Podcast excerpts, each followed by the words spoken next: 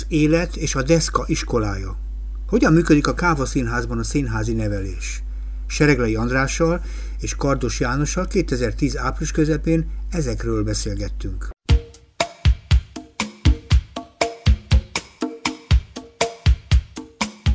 Az, amiért én valószínűleg itt vagyok ebben a műsorban, az a munkám elsősorban, és az pedig egy olyan szakma, ami Magyarországon születőben van, ez a színész dráma tanár. Ajaj, na erről fogunk majd beszélni. A... És te ennek születtél? Nem, nem, nem, nem, ez egy hosszas folyamat volt.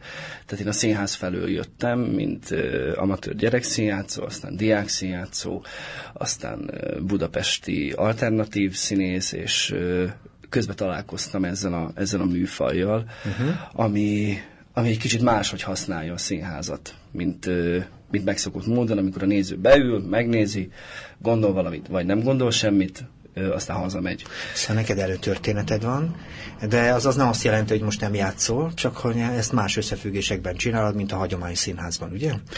azt a fajta affinitást, ami a színpadi jelenléthez kell, azt én máshogyan használom, mint egy, uh-huh. mint egy hétköznapi értelembe vett színész, aki uh-huh. a szerepeit ö, azt szerint ö, határozza meg, hogy a rendező, a darab, illetve a darab koncepciója hogyan áll össze, és ez alapján egy színészi munkát végez, ehhez használja a testét és a lelkét. Te honnan tudod ezeket a dolgokat? Ezt tanultad, vagy iskolába, vagy mi, mi kell ehhez? hogy már mint melyik, Ezeket, meg... amiket itt mondasz, hogy csinálod a színpadon, ezt tanultad, vagy iskolában? Hogy nem, nem, nem, tehát nem vagyok diplomás színész, hanem uh-huh. inkább arról van szó, hogy sokat dolgoztam színházban. Értem. És uh, megfigyeltem, vagy az emberre ráragad ez a dolog, ez most teljesen lényegtelen. Az volt a fontos számomra, hogy van egy tevékenység, amihez használok valamiféle uh-huh. készséget. Uh-huh. Ez a színészi készség és találkoztam a drámapedagógiával és a színházi neveléssel, és ez valami, valami egészen más fajta készséget igényelt magától a játszó embertől, és én ebbe beleszerettem, és inkább emellett maradtam. Nagyon jó, tehát az élet és a deszka iskolájában végeztél egy is, nem mondod. Igen, Így igen. van. És te, János, mit lehet róla tudni? Az én esetemben ez eléggé hasonlóképpen alakult. Egyébként a kávában elég különböző helyről érkező emberek dolgoznak. Én például, ez egy érdekesség például, hogy én felszolgáló végzettséggel rendelkezem, viszont közben én is gyerek és diákszijátszóként dolgoztam, ami érdekes egyébként, hogy az András például, amikor még fiatalabb srác voltam, a csoportvezetőm volt, tehát hogy ő engem még nevelt is, úgy úgymond a deszkákon, uh-huh. és később diákszínjátszóként is, és én például neki köszönhetem azt, hogy később a közelébe kerültem ennek a műfajnak, ennek a módszernek. Tehát tőle tanultál? Tulajdonképpen a, a színjátszást és az önismeretet uh-huh. és a drámajátékot azt bizonyos szempontból az András és egy másik kollégája uh-huh. mutatta meg, és... Csak neked is történeted van dalok, hát igen. igen, a deszka története. De mennyi ideje vagytok ti a kávában még? Ez, ez mindenkinél változó, András már régebben. Uh, a kávánál segíts Jani. Azt tudom, hogy ezt a tevékenységet 19 éve csinálom. Uh-huh. És a kávánál vagyok 17 éve, 16 éve körülbelül. Én pedig 7. Hét. Na jó, akkor nektek igazi történetetek van. És most már, hogy, hogy mind a ketten mondhatok valamit is, hogy azt az utat, hogy végül is megérkezett a kávához, nem nagyon tudjuk viszont, hogy mi ez a káva. Mi ez a káva. Káva egy varázsos szó ebben a pillanatban. Meséltek erről a káváról, hogy ez micsoda. A káva kulturális műhely az egy olyan egyesület, amelynek a fő tevékenység a színházi nevelés. Színházi nevelés alatt azt értjük, amiről én az imént beszéltem, hogy a színház alkalmazott művészet, valamiféle megértés, közös gondolkodás és közös élmény elérésével a gyerekekkel. Hú, de szavatosnak tetszik. Alkalmazott művészet, meg mit tudom. De a művészet az mióta alkalmazott? A művészet az úgy születik, nem? Nem így van ez? Vagy hogy van ez? A színház esetében szerintem azért ez egy kicsit más, mert a, a színházi előadások esztétikai kérdései azok folyamatosan változnak, de azért van egy van egy olyan, olyan sablonja, egy olyan modellje egy színházi előadásnak, ami, ami, amit azért az avantgard kísérleteket leszámítva nem nagyon tér el. Konkrétan az, hogy valakik összeállnak, és rendezői és színészi munkával valami fontosat akarnak mondani a világról, és ezt egy történeten, egy darabon, egy előadáson keresztül mutatják meg. Uh-huh. És azt nem állítják meg, hanem ezt végigjátszák, és utána esetleg ö, gondolkodhatnak azon, hogy ez milyen hatással van a világra. Uh-huh. A színházi nevelésben a a színház, mint művészet úgy jelenik meg, hogy a probléma felvetésére használjuk. Tehát arra használjátok, hogy bocsánat, csak azért, hogy ilyen megpróbálok itt megállítani, van bőven időnk mindenről beszélni. Tehát arra használtak a színházat, hogy fölvettek egy problémát, és akkor arról beszélgetünk, vagy játszunk, hogy mi folyik itt. Uh-huh. A beszélgetés és a játék mind a kettő szerves része egy színházi nevelési foglalkozásnak. Uh-huh. Minden színházi nevelési foglalkozás afelé ö, próbálja terelni a gyereket, hogy gondolkodjon, és véleményt formáljon. Hmm. És ezek mentén szabadítsa fel azt a bátorságot, hogy a világról és ezekről a dolgokról merjek beszélni. Értem, amit te mondasz, és nekem mindig gondom van, mert én néha nem tudom eldönteni, hogy amikor cselekednem kéne, akkor gondolkodnom, gondolkodom, meg amikor gondolkodnom kéne, akkor cselekszem. Tehát van időnként nekünk egy csomó zavarunk, legalábbis nekem a hétköznapi életben. De jó lenne elmondanád, hogy megy egy ilyen foglalkozás, egy ilyen általános, egy sablonszerű, egy, mondjuk egy iskolába, hogy értse, vagy lássa a kedves hallgató, hogy mi, mi folyik itten, kérem szépen. Mert szépeket mondtál. Jó, a... mindig, mindig egy osztályjal dolgozunk. Az osztályjal többnyire először találkozunk, és mindjárt az elején felhívjuk a figyelmüket arra, hogy itt most valami egész más dolog fog történni, konkrétan az, hogy nélkülük ez a délelőtt nem jöhet létre. Tehát várjuk tőlük azt a segítséget, hogy aktívan vegyenek részt. Ezután következik valamiféle színház. Azért mondom, hogy valamiféle, mert uh, nyilván azért a színház is változik, és, és uh, ezerféle útja és módja van annak, hogy élményt adjunk a nézőnek, de mindenképpen fontos az, hogy ezek a színházi részek, jelenetek vagy előadás részletek arra buzdítják a résztvevő gyerekeket vagy fiatalokat, hogy elkezdjenek gondolkodni abban a témában. Hogy képzeljen már el? Ülnek a gyerekek a padok között, te a tanári tanár helyén ugye két-három színész megjelenik, és csinál egy színházat, eljátszuk a hatjuk továbbból az iszapot, vagy, vagy mi, mi? Nem, ennyire nem puritán a dolog, tehát egyrészt mi nem is iskolákban játszunk, Aha. Angliában... Jó, csak el akarom ez, képzelni, mint Angliában ennek hagyománya van, hogy ott az iskolákban játszanak, de ott sem úgy történik, hogy az osztályteremben ülnek a gyerekek, uh-huh. hanem ott is díszteremben. Mi egy művelődési uh, intézetben, a Marcibány téri művelődési központban, ott a színház teremben fogadjuk a gyerekeket. Bejönnek az osztályba, és akkor történnek ezek, amit te mondasz. Hogy... Bejön az osztály, leül a nézőtérre, uh-huh uh, megtörténik a felvezetés, és utána történik valamiféle színház.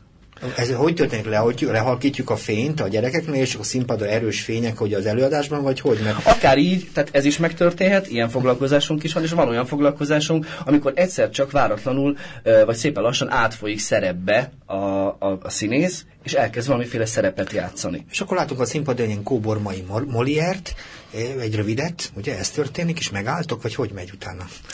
Uh, vagy Molière, Lehet ám segíteni. Vagy Molière, vagy Svajdát vagy valami kortárs. Egy mait, most, most mondtam. Bármit, egyet, bármit. Igen, igen. és valahol megállunk. Ott helybe stop. Itt megáll, és akkor gyerekek. és elkezdünk arról beszélgetni, hogy az, amit eddig láttak, arról mi a véleményük.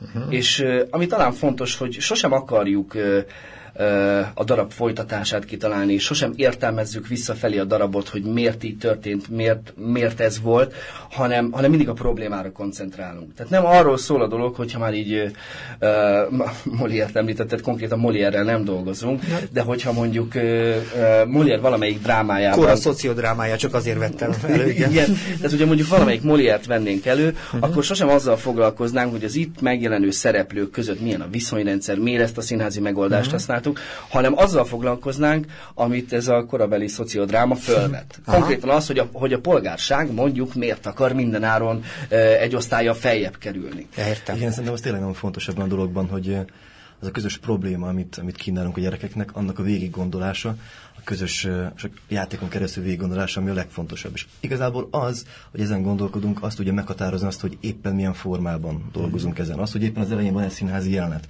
vagy csak egy, egy bevezető beszélgetés után, ez nyilván az is meghatározza, hogy, hogy milyen témával foglalkozunk. Mi igyekszünk olyan témákat választani, amik mondjuk nem annyira nem annyira hétköznapi, tehát nem, nem beszél róla sűrűn az ember. Próbálunk uh-huh. olyan témákról beszélgetni, ami a diákok körében akár tabu számba is mehet. És éppen ezért az is meghatározza, hogy milyen egy foglalkozás felépítése, uh-huh. hogy mennyire komoly a téma, mennyire az övék a probléma, mennyire lehet úgymond könnyen fejest ugrani bele, és ezen is múlik az, hogy a színház egyből elkezdődik, vagy kell hozzá egy felvezetős ráhangoló beszélgetés, ez mind-mind meg, megsegíti azt, hogy hogyan tudunk. Most azt csináljuk, hogy egyszerűen végigmegyünk egy ilyen látszólagos előadáson, azért mondom, hogy akartál valamit mondani? Csak azt, tehát, hogy szerintem egy példa jól megvilágítja azt, hogy uh-huh. a színház szentsége és a, és a foglalkozás milyen viszonyban van uh-huh. egymással.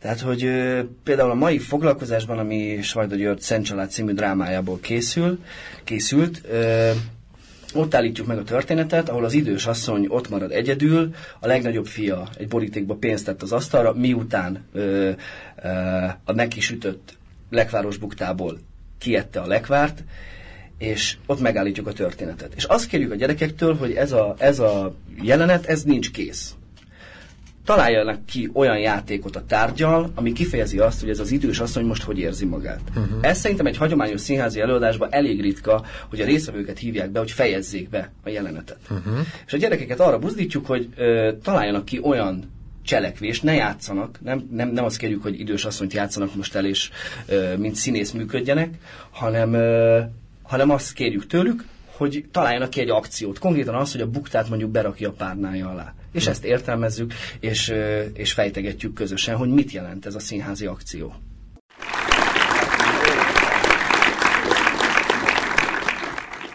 A Kapocs Ifjúság Segítő Magazin 386. adásában a Káva Színház két hogy is mondjam, színház és pedagógus, vagy színház és neve. Színész drámatanár. Színész drámatanár, köszönöm, hogy kijavítottál. Tagjával beszélgetünk arról a dologról, amit ők 16 éve sok-sok éve elkezdtek ebben a műhelyben, ami a színháza való nevelésnek egy sajátos munkamódszere, amivel sokfajta megoldásban megpróbálják megközelíteni azokat a fiatalokat, azokat a kérdéseket, azokat a dolgokat, ami őket kell, hogy foglalkoztassa ahhoz, hogy sikeresen jól felnőtté váljanak, és elkezdtünk fölépíteni egy történetet, ami nagyjából a Macibáin téri műldésházban kezdődik minden esetben, ahol meghívnak osztályokat, és az osztályoknak elkezdenek eljátszani jelenetet, és megállnak egy ponton. Itt egy Svajda ö, György, Svajda György, ugye Sajda György Szent Család című ö, darabjából egy élete próbáltuk zárni a mai napot, amiben megálltok egy bizonyos ponton, és aztán megpróbáljátok felajánlani a gyerekeknek, hogy fejezzék be. Próbáljanak annak a helyzetnek és annak a lélektani állapotnak megfelelő jó választ keresni arra az adott helyzetre. Ugye erről van szó? Nem. Nem? Akkor miről van? Te javíts ki! Az, hogy jó válasz, azt nem ismeri ez a műfaj. Hát a nekik megfelelő választ. Ő szerintük alkalmas választ. Erre a gondolatmenetre megfelelő rímelő választ. Akkor így pontosabb. Igen, köszönöm, igen, hogy kijavítottál. És mi van ezután? Uh, ez három munkacsoportba szétválnak, és egy-egy színész drámatanárral kitalálják ezt az akciót. Uh-huh. És utána a többieknek bemutatják úgy, hogy egy gyerek megy be abba a színházi térbe, és mutatja meg ezt az akciót. Szerintem ez is elég ritka egy általános ö, színházi előadásban, hogy a néző bemegy és befejezi saját civil ruhájában, ö, és gondolatot formál ö, egy színházi akcióval. Ezek után ezeket értelmezzük, majd a történet hátralévő részét eljátszuk, és utána ö, arról beszélgetünk is, és játszunk is, tehát megszólíthatják a szereplőket, hogy, hogy mit kezdjenek ezzel az idős anyával. Tehát azzal a problémával foglalkozik a darab is, és a foglalkozás is, hogy mit lehet kezdeni azzal az állapottal, amikor, amikor a gyerekek már elköltöztek otthonról, és ott van egy 70 éves, egyedül élő idős asszony. Mi mhm. szüksége van a társadalomnak? Hogy lehet ezt az embert nem feleslegesnek értelmezni? Hogy a gyerekek felelőssége és mindenki felelőssége hogyan értelmezhető ebben a helyzetben? Nagyon érdekes, mert ugye ebben a darabban szülő és gyerek van, és ezt 14-től 16 éves korig szoktuk játszani, és a gyerekek nagyon érintettek ebben, és rendszeresen nem anyát mondanak, hanem nagymamát. Uh-huh. Tehát az ő problémájuk abban a pillanatban már máshogy tükröződik ebben a darabban, ami a 80-as években íródott, és, és szerintem egy 30 és 40 év közötti felnőttnek a problémájáról szól, hogy mit kezdjek az idős és beteg anyámmal, aki elviselhetetlen ők ezt egész más, hogy értelmezik, és nagymamának szólítják hmm. ezt az idős asszonyt. Ez az érdekes, amit mondasz, mert nekem azért az a tapasztalatom, hogy óriási a generációs távolság. Tehát annyira nagy különbség van korosztályok és korosztályok között, és ezzel a idős korosztálya való együttérzésről szólnak ezek a próbálkozások, ami roppantól hiányzik ebben a mai világban, ez nekem tetszik. És akkor ez a darab így zárul le. Mi a vége? Vagy mi a következő, van egy következő lépés, vagy már... A következő akar... lépés az, hogy megkérdezzük tőlük, hogy melyik szereplővel akarnak beszélni. Van-e kedvük valakivel beszélni? Uh-huh. Ugye van itt négy gyerek, és uh, van ez az idős anya. És a történetnek uh, ugye a darab szerint nem így, nem így ö, ö, jut nyugvópontra. A mi változatunkban úgy jut nyugvópontra, hogy a kórházban, ö, ahová azért került, mert ö, öngyilkosságot akart elkövetni ez az idős asszony, nem mennek érte a gyerekei. Értem. És ő kiül az utcára, és, és a gyerekei pedig azon tanakodnak, hogy hol keressék. Valahol itt van a nyugvópont, és ebben a pillanatban beszélhetnek a gyerekekkel, és beszélhetnek az idős anyával is. Aha. Ö, amikor elkezdenek róla beszélni, nyilván elindulnak egy ilyen praktikus gondolkodásból, hogy hova tegyük ezt az idős asszonyt. Ez egy ilyen, hogy kihez kerüljön, hogy szociális otthon, vagy öregek otthona, és el kell, hogy jussanak, és többnyire el is jutnak egy olyan zsigeri erkölcsi problémáig, az, hogy ezt nem teheted az anyáddal, ezt nem teheted egy másik emberrel, hogy nem bántod, hogy pénzt adsz neki, viszont a legsötétebb magányba taszítod őt. Hát Ö, fontos. Jó, de jó. és eddig, eddig kell, hogy eljussanak. Hát nyilván ez osztálytól is függ, hogy, hogy mennyire érintettek ebben a problémában, és a legvége a foglalkozásnak pedig úgy záródik, hogy ö, mivel itt családról és gyerekekről van szó, megint csak három csoportra válnak, és azt kérjük tőlük, hogy ö, egy teljesen átlagos faépítő kocka készletből építsenek egy makettet, egy családi makettet. Ők hogy képzelik a családot. És utána ezt egy kicsit boncolgatjuk, mert ugye többnyire nagyszülő már nem kerül bele ebbe a modellbe. Kérdezzük azt, hogy mire építették ezt a modellt, és a legvégén pedig föltesszük nekik azt a kérdést, hogy amit építettek, az a valóság, amit maguk körül látnak, vagy amit szeretnének látni. És akkor? És elbúcsúzunk tőlük. Tehát, hogy Ha Erre adja már nekem választ. Mit szoktak ilyenkor? A valóságot, vagy annak az égi mását? többnyire az égi mását. Igen, a szeretnékem lakást Igen. építik fel. És ebben vannak ö, szülők is, meg gyerekek is. Az átlagos családmodell az valahogy úgy néz ki, tehát kétféle változatban uh-huh. dolgoznak. Az egyik az, hogy fölépítenek egy ilyen átlagos családmodellt, apa, két gyerek, a másik pedig, hogy teljesen absztrahálnak, és azt próbálják megfogni, építőkockából megépíteni, hogy mire épül ez a család. Mi az, ami összetartja, mi az, ami erőt ad neki. Uh-huh.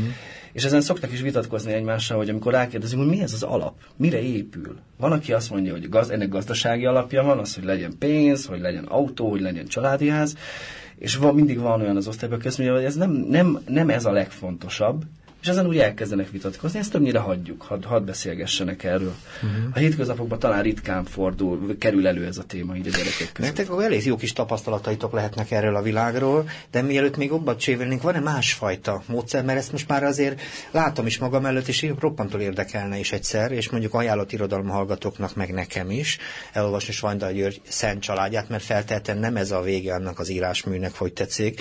Hát pontosan azért, hogy mennyi fajta kimenete lehet ennek a műnek, ami végül is nem erre a szál célra született, és csináltatok bele valamit, ami a gyerekekkel való együttműködés. Van-e más? Igazából szerintem még az fontos lehet, hogy Igen? ez, ez a foglalkozás, ez körülbelül ilyen 15-16 éveseknek szóló foglalkozás. És szerintem fontos, hogy mi nem csak ilyen gimis korosztályjal dolgozunk és játszunk, hanem általános iskola majdnem elejétől egészen a gimnázium közepéig uh-huh. létező osztályokkal. És azért is izgalmas ez, mert, mert tényleg ez idősebb korosztálynak ez a téma nagyon-nagyon fontos lett, és ez veszi őket körül. Viszont egészen más témáról tudunk együtt játszani, fiatalabbakkal, például az áldozati létről tudunk közösen gondolkodni. Mi erről? Áldozati lét. Hogy milyen az áldozati létben való létezés. Tehát a- milyen, amikor valaki áldozat? így van, így van, nagyon fontos kérdés. Általános iskola 5 6 ez egy nagyon-nagyon fontos kérdés. Olyan kérdés, amiről az emberek nem, nem, később nem is. beszélnek. Hát később is, de talán, hogyha ott már beszélünk róla, akkor lehet, hogy valami olyan közös élményünk lehet, amit be tud magának kapcsolni később hogy ott volt egy ilyen foglalkozás, és ez történt. Később pedig, későbbi osztályokkal pedig szoktunk közösen játszani és gondolkodni az, hogy a szabadság témaköréről, hogy én ki vagyok, hogy mi a, mi a közöm a világhoz, amiben élek, mennyire lehetek benne szabad, mennyire kell szerepeket játszanom. Mm-hmm. Csak azért tartom fontosnak, mert tényleg minden különböző korosztálynak egészen más és más témát kínálunk, ami szerintünk szerintünk fontos lehet abban, hogy, hogy valami tényleg valami fontos erkölcs és társadalmi problémát járjanak körül. Hát de mondtatok három-négy olyan dolgot most, amelyekkel roppantól foglalkoztat, mert ugye az áldozati lét, amit az előbb te mondtál, ez tulajdonképpen most egy kicsit olyan furcsa módon beköltözött a hétköznapi életünkbe. A szabadság az ugye ma a legfeljebb sokak számára annyi, azt jelenti, hogy az a szabadság, amit szabad csinálni, tehát sok esetben az egészen másról szól. Szóval sok olyan elemet hoztatok ide, ami tulajdonképpen fontos kérdés, de, de hogy válogatjátok? Miért pont ez? Miért pont az? Miért pont amaz? Hogy születnek ezek az alapgondolatok? Ugyan mentek, ránéztek egy csomó gyerek, és azt mondjátok, most ez, vagy hogy van ez? A drámapedagógia, drámapedagógiában van egy kifejezés erre, a dráma óránál, hogy a tanár drámája és a diák drámája. És nyilván azért egy drámatanárnak, vagy egy színházi nevelési szakembernek nyitott szemmel kell járni, hogy éppen mi történik. De azt nem szabad elfelejteni, hogy, hogy azért ennek van egy ilyen alkotási folyamata is, ez a szellemi kalanda, hogy az ember létrehoz egy ilyen színházi nevelési foglalkozást, abban fontos, hogy benne legyen az ő véleménye, vagy az ő kérdései, nem is a véleménye, a kérdései erről a helyzetről. És igyekszünk olyat keresni és olyat találni, ami minket személyesen is érint. Tehát csináltunk már foglalkozást a halál témakörében, az, hogy mit jelent feldolgozni valakinek az elvesztését, az például egészen kicsi gyerekeknél csinálta a társulat, és nyilván az foglalkozt tat minket, amit a környező világunkban van, és reméljük azt, és a, és a gyermeklélektan szakirodalmát tanulmányozva keresgetjük azt, hogy mi az, ami, mi az, ami korosztály szerint őket foglalkoztatja. Ezt már értem, és azt láttam, hogy ti egy csomó dramaturgiai keretrendszerrel működtök, ugye egyikkel, másik alamazzal, de amikor elmentek egy ilyen iskolai közegbe, vagy eljönnek hozzátok az iskolai közeg, miért pont ez? Miért pont az? Akkor titeket az foglalkoztat, vagy, vagy, vagy hogy történik a dolog? Mert nekem például ez Körülbelül egy igen. Tehát minket az foglalkoztat, és azt gondoljuk, hogy őket is foglalkoztatja. Ja, értem. Uh-huh. Ha ez nyilván ö, a harmadik vagy negyedik uh-huh. foglalkozáson kiderül, hogy a gyerekeket ez egyáltalán nem érdekli, hát akkor sok teteje nincs a dolognak, és akkor abba hagyjuk. Mi azt el is szoktuk mondani egyébként, hogy azon túl, hogy közös gondolkodásra hívjuk a gyerekeket, mi azt gondoljuk, hogy ez valahogy közös tanulás is lehet. És, és igazából tényleg hiszünk abban, hogy munkán közben mi is a gyerektől tanulhatunk valamelyat, amit, amit ő mond, és ő lát a világból, abban, amiben él. Uh-huh. A munkákat akkor végezzük, hogyha tényleg van olyan válasz a, a fiatalnak, ami minket meglep. Ha nem lenne, akkor valószínűleg nem lenne igaz az állításunk, vagy a kérdésünk valahol, valahol nem stimmelne. Hogy ez nem így lenne. Nyilván közhelyes lenne a kérdés, azt mondom, hogy nyilván amikor találkoztok a gyerekekkel, ezek a visszajelzések mindig alakítják is a saját működéseteket. De volt, van olyan történetetek, akár bármilyen keretrendszerben, ami teljesen átalakítja a kezdést. Tehát volt olyan, amikor ugye elkezdtétek azt a svajdát, vagy akármi mást, és ahhoz képest ma már másképpen játszátok, mert a gyerekek erősen átírták.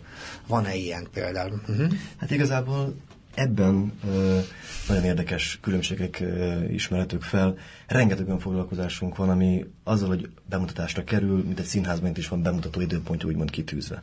De hát ez nálunk igazából az igazi munka akkor kezdődik, mikor a bemutató ö, megvolt, akkor úgymond elkezdjük tesztelni a fiatalokon azt, amit mi elkészítettünk, az hogyan működik. És tulajdonképpen egy foglalkozás, amit mi játszunk a gyerekekkel, az bár lehet, hogy játszhatunk belőle 20-at, 40-et, 200-at, folyamatosan változik. Uh-huh. Egyrészt nekünk is igényünk van abba, hogy a már általunk kipróbált formákat újra és újra frissítsük, hogy számunkra is izgalmas legyen, meg hozzánk érkező gyerekek, hogy, hogy részt vesznek a játékon.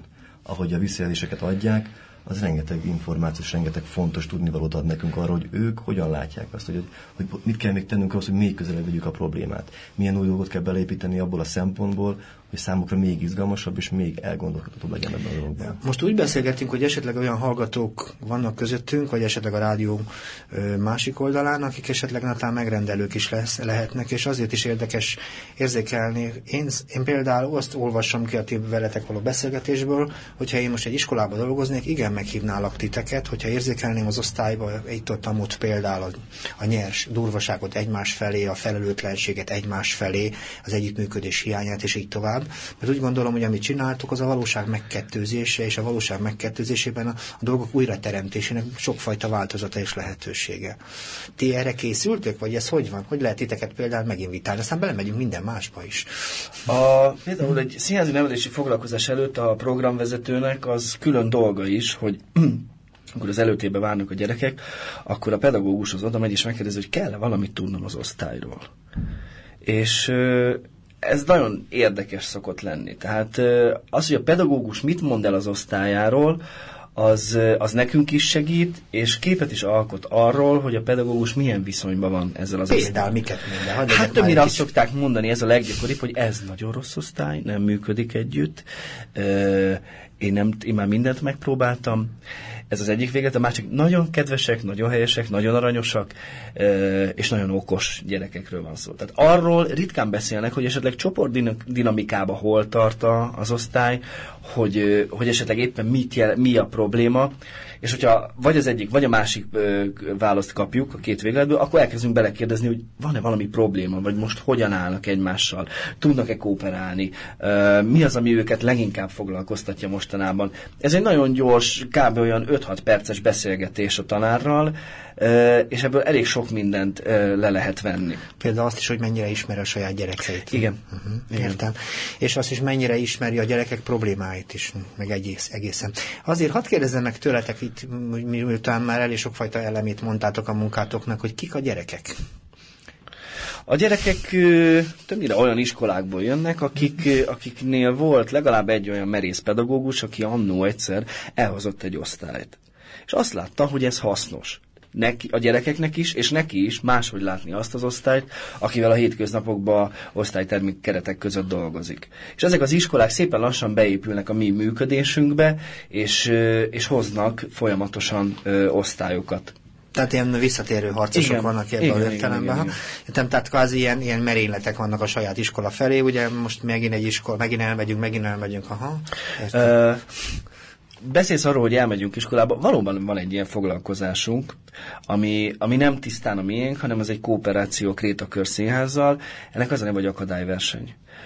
Ott nem az történik, amit a, az iménti forgatókönyvben elmondtam, hanem előtte is elmegyünk és beszélgetünk a gyerekekkel, tehát ez egy hosszabb felvezetőkör, és utána pedig a szabadság témakörében az emberi csapda helyzetekről játszunk egy olyan játékot, ami az iskola helyszínén játszódik. Tehát ott vonulunk egyik osztályteremből a másikba, a folyosón beszélgetünk, ott, ott vannak színházi jelenetek, és a legvégén is van egy levezető, ahol értékeljük ezt. Tehát ez egy kicsit kiterjesztettebb színházi nevelési munka ebből a szempontból, mert előtte is ö, felmérjük azt, hogy hol tart az osztály, és utána pedig kíváncsiak vagyunk az ő véleményükre. Szóval nem szóbotlás volt, én tudok arról, hogy ti másként is csináljátok, azért kérdeztem ezt így, de jó, hogy így el is mondtad. Tehát ilyen, ilyen exportprogramotok is van, hogy kimentek egy bizonyos helyre. Igazából pontosan azért, mert a színháznak szerintem is ezek az emelkedetebb változatai mellett az nagyon izgalmas, amit az előbb te mondtál, igenis, hogy a mindennapos életben meg kell találni azokat az újrateremtési lehetőségeket, ami arra alkalmas, hogy ott tanuljuk meg a, vált- a, a jobban működő, vagy megfelelőbb működés, mint amit egyébként megszoktunk, ahol egyébként élünk. Tehát azért nagyon izgalmas, amit te mondasz. És ennek a kiterjesztett technikának azért sokfajta eleme lehetséges. Aha.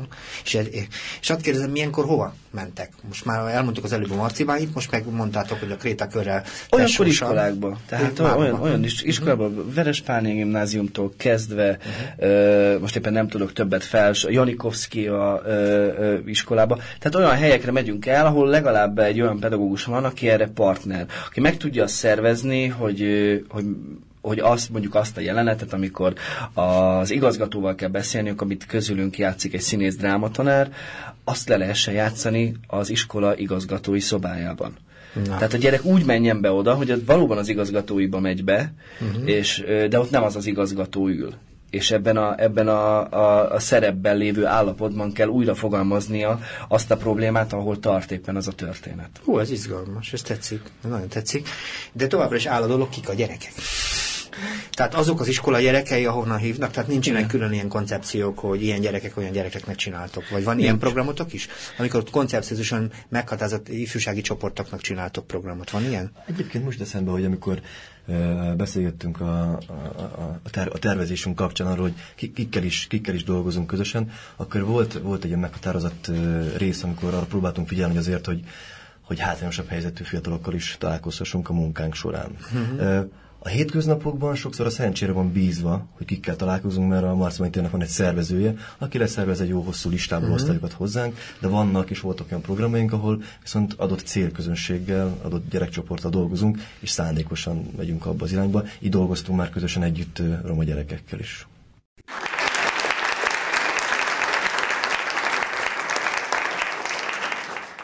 A Kapocs Ifjúság Segítő Magazin 386. adásában a Káva Színház két tagjával beszélgetek, Andrással és Jánossal, mégpedig olyan dologról, ahogy ők dolgoznak fiatalokkal, iskolásokkal, egyrészt úgy, hogy meghívják őket a Marcibányi térre, és különböző iskolásoknak játszanak különböző dramaturgiailag jó megkomponált programokat, aminek a révén megpróbálják a gyerekek kitalálni azt a helyzetet belülről megragadni, és a lehetőleg megfelelő megoldásokat is találni egy adott helyzetre, ami bizony a felelősséget, együttműködés, minden mást fejleszti.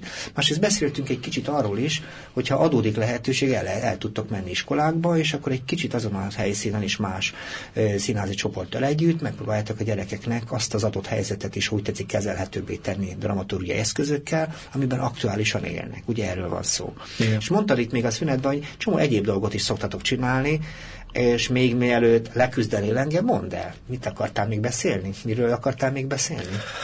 A Kávának van 1996 óta egy Drámadrom nevű programja.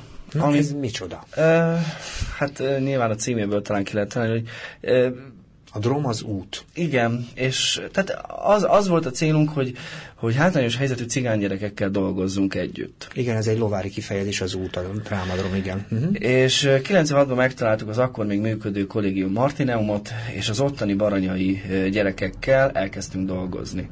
És kialakult egy sablon, egy modell, hogy egész évben dolgozunk velük, és ezek ott, ott a kollégiumban környező falvakból jöttek be ezek a főleg beás cigánygyerekek.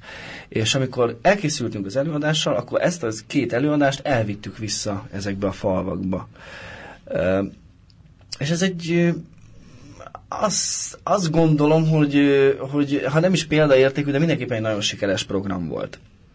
Mert? Tehát, ö, egyrészt az hogy, az, hogy azt a tudást visszaforgatta, amit, amit a gyerek a kollégiumban ö, ö, összeszedett. Tehát a, a kollégium Martineum működése akkoriban arról szólt, hogy az volt a cél, hogy, hogy ezeket a gyerekeket, akiket összeválogattak, ezeket leérettségiztessék. És ezek ilyen nagyon, nagyon szegény falvakból jöttek. És amikor meglátták az ottaniak, a szülők, a rokonok, amikor visszajött és egy előadásban játszott, hogy, hogy hogy ilyenre is képes a gyerek, akkor ennek, akkor ennek bizony hatása volt a kollégium működésére is. Jobban engedték a gyerekeket ezekbe a kollégium, ebbe a kollégiumba. A későbbiekben, mert érdemes, de érdemes elmenni, a gyerekek szebbek, okosabbak is, lámlám milyen ügyesek lesznek. Valami felé, valami felé haladnak. Másrészt a gyakorlati haszna az is volt, hogy hogy ezek a gyerekek végig mentek egy munkafolyamaton. Elkészítettek egy előadást. Ennek a pedagógiai haszna szerintem vitathatatlan, az, hogy valamit elkezdek valahol, gondolkodok rajta, és eljutok valahová. Ezt az ő életükben elég kevésszer engedte meg bármilyen forma, az iskolában követeltek tőlük, otthon követeltek tőlük, és egyébként pedig eléggé kilátástalan volt időnként a, az ő jövőjük. Gondolom ezen kívül fejlődött a figyelmük, a képzeletüket le tudták fordítani mozdulatokra, és így tovább. Tehát, aha, figyelek. Tehát egy csomó járulékos haszna volt ennek a, ennek a dolognak. Uh-huh. Ez odáig jutott ez a program, hogy, hogy azt hiszem, hogy 8 év működés után létrejött egy berlini szervezettel, a berlini Schaubühne színházzal egy koprodukció, ahol berlini hátrányos helyzetű német fiatalokkal magyarországi baranyai hátrányos helyzetű beás cigány gyerekek dolgoztak együtt Berlinben két hétig, és létrehoztak egy előadást. Szuper. Uh-huh. Uh, ami csak úgy megjegyzek, tehát hogy nem tudom, hogy Magyarországon ez vajon mikor történhet meg, hogy a Schaubühne, ami, ami egy európai szintű színház, uh, a műsorlapján el, a legelső helyen közölte ezt az előadást. Uh-huh. Tehát, hogy nem úgy, nem úgy fogadta be ezt a projektet, hogy jó, megkapjátok a termet, játszatok valamit, hanem ez, hanem ez egy ilyen díszelőadásszerű volt. Tehát ők úgy gondolkodnak a fiatal, színész, a fiatal nézőkben, hogy az a legfontosabb. Uh-huh. Nagyon fontosat mondtál, és tulajdonképpen talán ezt nem is aknázzuk annyira ki most ezzel a mai alkalommal, ezt nincs arra elégséges idő, hogy mennyi fajta jó módszer lehetséges például még a legegyszerűbb világban is arra, hogy a dolgokat, a világot meg lehessen ragadni nehezebb helyzetben lévő fiataloknak, és a színház kiváló eszköz erre, ez egészen biztos, és ha most a németek ezt felfedezték, hát győzzük le, legyünk mi jobbak, és a mi színházaink legyenek gyorsabbak és klasszabbak. Van elég hátrányos helyzetű fiú és lány vidéken itt ott, ott ebben a ti módszeretek tetszik. Van-e még? Van még a tarsolyban, amit hoztam, mert csak hogy szépen úgy ki kell bombázni ami, Ami kísérleti stádiumban van, az a az az új néző projekt. Na, az micsoda? A, azt valahogy úgy ö, találtuk ki, vagy úgy terveztük el, hogy, hogy minket nagyon érdekelt az, hogy mondjuk egy magyarországi kis faluban mi lehet az a, nem, nem is innen indult. Onnan indult, hogyha van egy közösség, amelynek problémái vannak, uh-huh. Abba a közös gondolkodásba, hogy ez a probléma megoldódjon, vagy más színezetet kapjon, bele lehet-e szólni, segíteni lehet-e, felnőttekről van szó, a színház eszközével. Nyilván az a feltételezés, hogy igen. Igen, és ebbe belevágtunk, és kerestünk két olyan magyar falmat, fa, falut, ahol magyar és cigány együttélés nem problémamentes. És igyek, igyekeztünk úgy kitalálni ezt a projektet, amiben most már nagyon sokan dolgoznak, hogy előtte szociológusok kiválasztották, felmérték, esettanulmányokat készítettek, és, és úgy terveztük meg a programot, hogy nyáron ebbe a két faluba, megint csak a Kréta Körszínházzal kooperálva, lemegyünk, és elkészítünk egy, egy előadást, amit még mi sem tudunk, hogy milyen lesz. Nem tudjuk, hogy mi játszunk benne, vagy a falusiak is. Az a lényeg, hogy a célt próbáljuk nem szem elől téveszteni, konkrétan az, hogy erre a problémára reflektáljon és segítsen feltárni, talán kezelni is. Uh-huh. Nagyon érdekeset mondasz, és roppantól kíváncsi lennék, és ezt tartva nagyon szívesen térjünk erre vissza, mert engem roppantól foglalkoztat, hogy a konfliktuskezelésnek, ami egyébként ma nagyon gyakori, és ma legfeljebb az indulatokig szoktunk eljutni, de az, hogy egy helyzetet hogyan lehet kezelni, ez nem sokszor. Talán ez a színház mennyire ad elég támpontot. Ez egy ilyen érdekes mediációs megközelítés, ugye most már van egy kultúra nyelve is ennek a dolognak, hogy konfliktus hogyan lehet lerendezni, ez egy mediációs eszköz, mert a valóságtól megfosztva egy mesterséges helyen játszunk el valamit, egyébként ami a valóságban nagyon sokszor rosszul végeződhet, hogyha ezt egyébként rendesen végigfuttatjuk, úgyhogy érdekeset mondasz. Ja, nagyon szeretném, hogyha erről többet is hallhatnánk, aztán van-e még, ez az új néző, mi ebben az új néző? Az, hogy talán abban új a néző, hogy nem ő jön el a színházba, hanem a színház költözik ki hozzá a faluba. Uh-huh.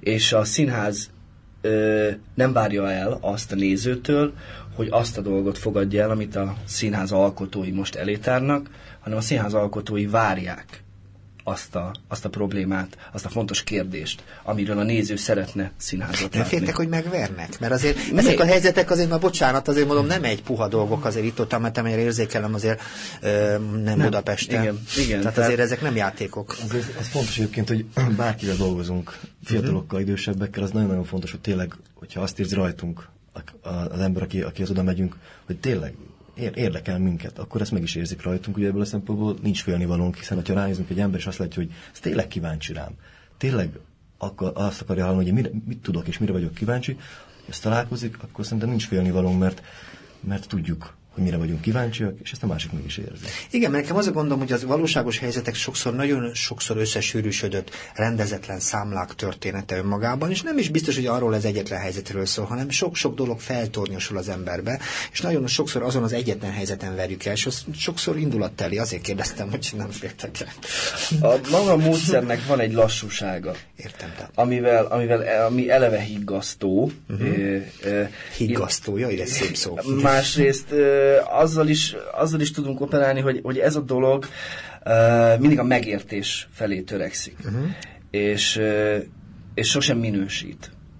Tehát uh-huh. nem mond ki semmiféle ítéletet sem tettről, sem gondolatról, semmiről, hanem, hanem pusztán vizsgálja az indokokat és a szándékokat. Az egyetlen dolog, ami, ami még belefér ebbe a dologba, az az, hogy hogyan lehetne ezt kicsit másként mi az, ami megakadályoz minket abban, hogy ezen a dolgon változtassunk. Értem. Igen, most engem azt foglalkoztat, mert érdekeseket mondtok, hogy tulajdonképpen mikor csináljátok jól? Mert azért, bocs, rászálltok egy helyre, mondjuk egy iskolai osztályra, akár most erre a településre, és aztán elmentek. Tehát mikor gondoljátok, hogy jól csináltátok a dolgotokat? Mikor mondjátok, hogy rendben van, mi ezt most jól csináltuk? Mert gondolom, hogy nem mindig minden sikeres, de azért az esetek többségében lehet elégedetten elmenni a dologra. Mikor mondjátok, hogy jól csináljátok? Jó kérdés. Az új nézőprogram kapcsán igazából nem igazán tudhatjuk még, hiszen ez egy kísérleti jellegű program. Ezt még nem próbálták előttünk sem, és mi sem próbáltuk még a munkánk során. Valószínűleg ez, a, ez nyáron, augusztusban, amikor ez a program megvalósul, akkor okosabbak leszünk ebből a szempontból, hogy ez mennyire volt sikeres, és mikor végeztük el a dolgunkat. A gyerekekkel való munkában egészen más, de hát hogy erre érdemesebb később. Szerintem ugyanaz. Tehát én, én ezt úgy fogalmaztam meg magamnak alapképletbe, ha minimális elmozdulás történik, akár abban, hogy a problémában résztvevők egy kicsit rálátnak, a problémában résztvevők egy kicsit elgondolkodnak ezen a problémán, a problémában ö, résztvevők ö, elkezdenek tenni valamit, és felelősen kezdenek el gondolkodni a saját és környezetük helyzetéről, én azt sikernek értékelem. Uh-huh. Uh-huh.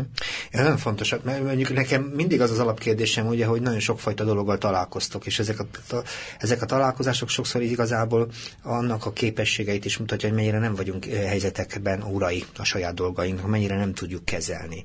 És nekem mindig az az érzésem, hogyha egy helyről elmegyünk, nem marad automatikusan benne a mozdulatainkban egy problémakezelés, egy, egy átérzés a másik helyzetének, az a felelősségérzet. Tehát azért gondolom, hogy, hogy kell tudni, hogy mi a jó, meddig csináljuk jól, hol a vége. Uh-huh. Személyesen te miért csinálod, jut elő eszembe, András és János? Ti miért csináljátok ezt? Uh, amikor elkezdtük csinálni azt a programot, ami az iskolai erőszakról szól, az áldozati létről, a bullyingról, uh, akkor abban nekem gyerekkoromból volt személyes érintettség. A Szent Családdal kapcsolatban azt tudom mondani, hogy, hogy édes, é, é, édesanyám, édesanyám 74 éves, és ezzel a problémával én magam is ö, ö, szembe kell, hogy nézzek. Tehát egy csomó olyan dolog van az életemben, ami ezekre a problémákra reflektál. Tehát uh-huh. miközben én ezeket a problémákat vizsgálom, saját magam is újra és újra értelmeznem kell, és kényszerítenem kell magamat arra, hogy ezekkel a, ezekkel a helyzetekkel szembenézzek. Uh-huh.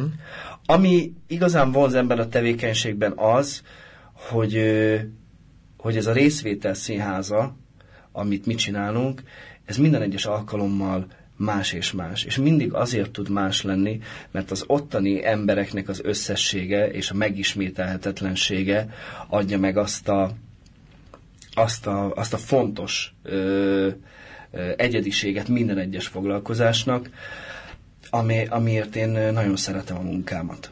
János? Hát azon, amit az András elmondott, nekem személy szerint azért fontos ez, ez a munka, amit végzek, mert a, hát mi színházi neveléssel foglalkozunk, és ezt én komolyan merem hogy ez nevel is, ez a tevékenység, amit csinálunk, és igazából saját életem a legjobb példa arra, hogy én miért ülhetek most itt veletek. Mert én például egy egész rossz csont srác voltam kisgyerekkoromban, amikor az Andrásék a kollégájával jöttek, és elkezdték velünk közösen játszani, drámázni. És uh-huh. én az ő játékon keresztül azon, hogy megismertem magamat, a többieket, az, az segített nekem abban, hogy, hogy felelősségteljesebben tudjak gondolkodni. Megszelidültél. Én, hát, így is fogalmazhatom. Mm. És akkor, amikor ezt éreztem magam, hogy ez, ez egy jó dolog, közösségben létezni, közösségben gondolkodni, akkor hogy elkezdett érdekelni, hogy ez, ez nem akármi, ezt szeretném csinálni. És ez, a szerencse úgy hozta, hogy ez, ez így is történt. Mindig azt hiszem, hogy a színház jó konkurenciája a médiának. Tehát azt jelenti, hogy a színházat játszani, ez egy jó dolog, a pillanatművészet ez egy jó dolog. És én annak idején, amikor ezzel a dologgal elkezdtem barátkozni, akkor azt gondoltam, hogy a legjobb konkurenciaként érdemes ezzel foglalkozni, mert ez egy öntanuló rendszer, ez nem csak másról szól, saját magunkról is szól, és azért is drukkolok nektek, mert ez roppantul fontos dolog, hogy ez a helyzet, amit a színház képes adni, az többletként mindenki számára hasznos lehessen, hogy, hogy végre a megoldásokról is lehessen szó, nem pedig a hisztéről, amit időnként a médiában lehet látni.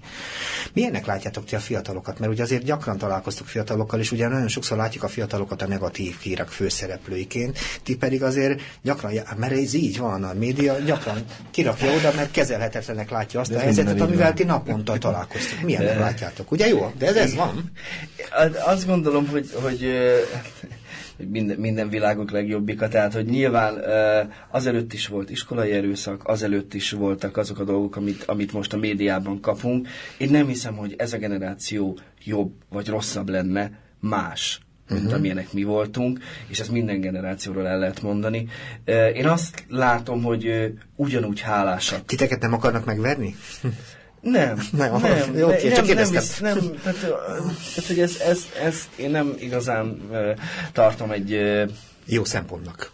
jó szempontnak, igen. Igen. Tehát azt gondolom, hogy ugyanúgy hálásak azért, hogyha, hogyha felelősen gondolhat, gondolkodhatnak valamiről, és ugyanúgy hálásak, hogyha az ember kíváncsi rájuk. Az, hogy te mit gondolsz. Nem az, hogy neked ezt most meg kéne tanulnod, hanem hogy te mit gondolsz erről.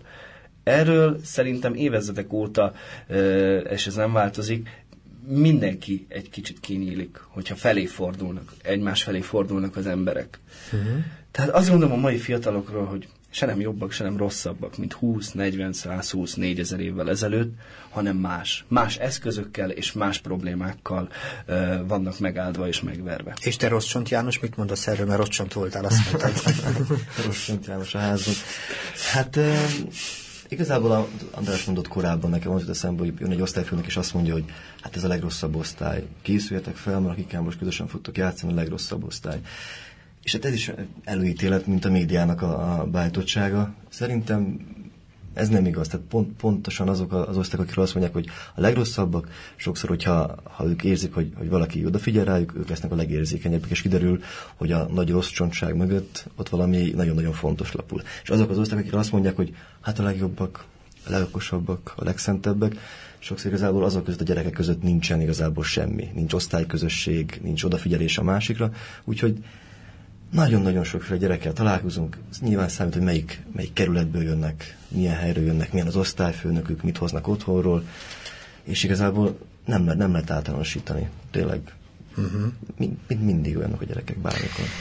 Ti azért mégis valahol, meg nem valahol, a konkrétan a Káva Színházban gyakorlat pedagógusok vagytok. De hogyan fogadnak titeket a pedagógusok? Mert ugye mondtad, hogy te is mondtad, mind a ketten mondtátok, hogy bizonyos szempontból pedagógusok valahol vizsgáznak előttetek is valahogy, hogy mennyire ismerik a gyerekeket, hogy hat ez vissza. Tehát van erre mód, hogy például a pedagógusok ilyen szempontból vehessenek át tőletek technikákat, módszereket, mert azt gondolom, hogy a valóság megkettőzésének a színház kitűnő eszköze. És bizony vannak olyan tárgyak, és talán összekapcsolható tárgyak is, amitől a színház itt hihetetlenül jól érzékeltethet ismereteket, tudást, emberi dolgokat. Uh-huh. Pedagógusok hogy Sokszor állnak? felteszik nekünk ezt a kérdést, igen, hogy jó, most eljöttünk erre a foglalkozásra, és akkor most mi van? Most előtte és utána mi lesz? Igen. E, mi szeretnénk azt, hogyha, hogyha a pedagógusok minket e, nem egy ilyen különlegességnek tekintenének, egy ilyen uh-huh. sajtortának a vacsora végén, Lopott csokok története, igen. igen, igen. hanem, hanem munkatársnak abban a folyamatban, amikben ők a, ők a legkeményebb részt vállalják, az, hogy viszik ezt az osztályt, és nem csak megtanítják ö, bizonyos tudásanyagra, hanem, hanem nevelik is őket. És próbáljuk a foglalkozásainkat kicsit tovább nyújtani az iskola keretein belőle, méghozzá úgy, hogy kidolgoztunk egy tanári csomagot.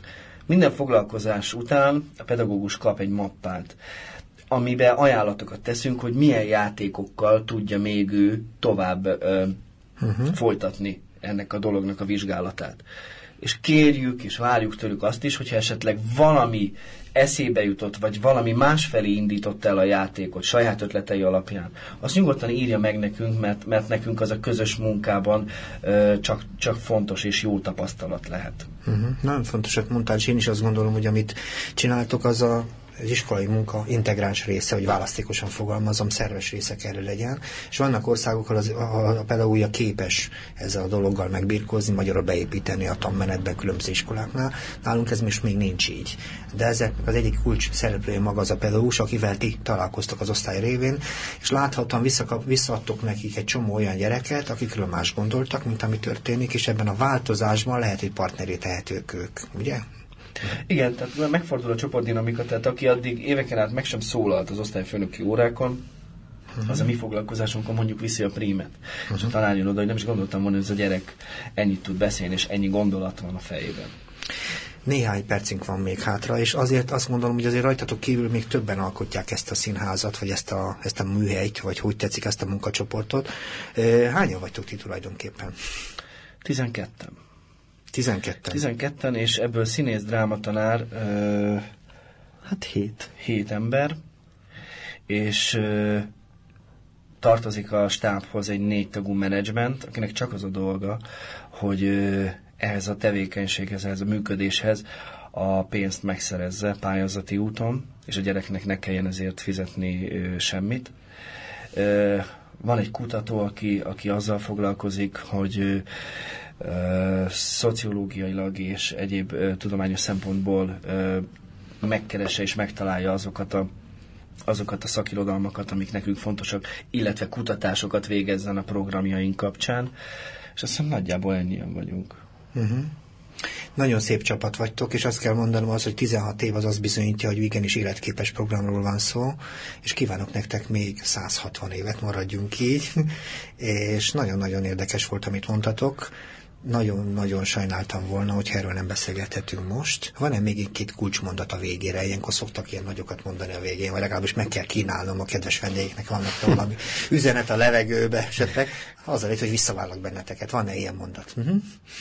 Igazából az fontos lehet, hogyha valakinek az érdeklését felkeltettük, vagy vagy kíváncsi ránk, akkor keressen fel minket, a mi foglalkozásaink, játékaink nyitottak, és ha, valakit érdekel, várjuk Lehet e-mail címet is, meg telefont is mondani most nyilván. A www.kavaszínház.hu az, amit az emberek felkeresnek, ott mindenféle fontos információ, meg található rólunk a programjaink, mivel foglalkozunk, azok is, amikről most beszéltünk, és azok is, amikről most éppen nem. Uh-huh. Neked, András? A János elmondott mindent. Jó. Nagyon szépen köszönöm, hogy itt voltatok. Nekem nagyon érdekes volt ez a beszélgetés és engedjük természetesen el akkor a hallgatót a következő programba, a Név és Ember programba, amit vezet és szerkeszt Pogány György. Viszont hallásra, szervusztok!